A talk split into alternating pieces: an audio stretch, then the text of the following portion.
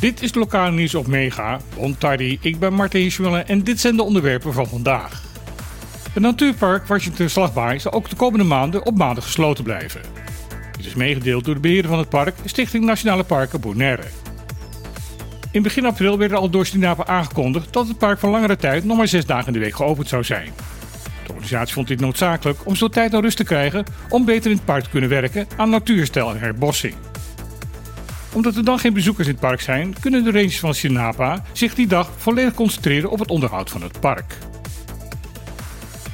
Bij de evaluatie is gebleken dat de sluiting een zeer positief effect heeft gehad op het conditie van het park, maar dat er nog steeds heel veel werk te doen is.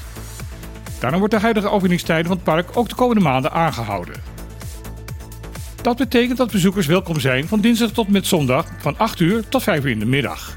Vanaf half drie worden er geen nieuwe bezoekers meer toegelaten in het park.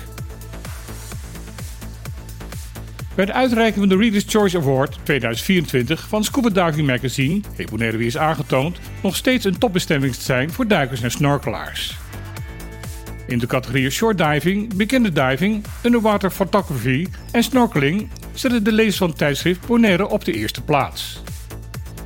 Met een tweede plek voor Best Microlife en Best Health Marine Environment wordt het belang benadrukt van de beheerder van het marinepark, Stinapa. Bonaire eindigde op de derde plek in de categorie Best Overall Destination. Dat is natuurlijk heel verdienstelijk, maar geeft wel aan dat er nog ruimte is voor verbetering. Bonaire heeft een snel groeiend probleem met de vergrijzing van het eiland. Er is dringend behoefte aan meer aangepaste woonruimte voor ouderen en specialistische zorg. Dat wordt duidelijk in een artikel in Caribisch Netwerk. Een jaar eerder publiceerde Caribisch Netwerk hier al over, maar de problemen zijn in de tussentijd alleen maar groter geworden. Naast een grote behoefte aan extra aanleunwoningen is een groot gebrek aan zogenaamde respijtzorg. Dit is de mogelijkheid dat de zorg voor een oudere voor een korte tijd wordt overgenomen, zodat de betrokken mantelzorgers even tot rust kunnen komen.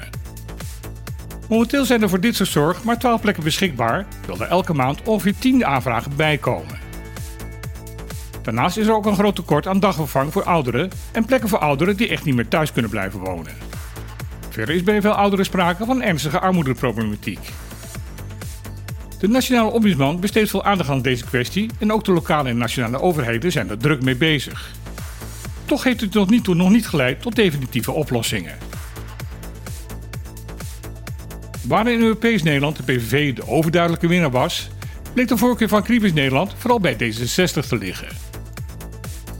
Over de drie eilanden gezien kreeg de partij van Jurien Wuiten en staatssecretaris Van Huffelen de helft van de uitgebrachte stemmen.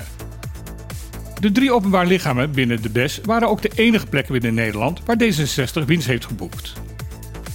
Nederlanders die buiten Nederland wonen, maar wel gestemd hebben, bleken weer een andere voorkeur te hebben. Bij deze groep blijkt de combinatie GroenLinks-PVDA het meest populair te zijn. Er zijn zo'n 70.000 Nederlanders die vanuit het buitenland hebben gestemd en bijna 30% daarvan zag Frans Timmermans wel zitten als premier van het land. De PVV kreeg van deze groep stemmers niet meer dan de 6,3%. De laatste op deze lijst blijkt een partij te zijn met de naam Nederland met een plan. Van de 70.000 stemmers buiten Nederland brachten slechts 13 mensen hier hun stem op uit. Dit was weer het lokaal nieuws van vandaag op Mega.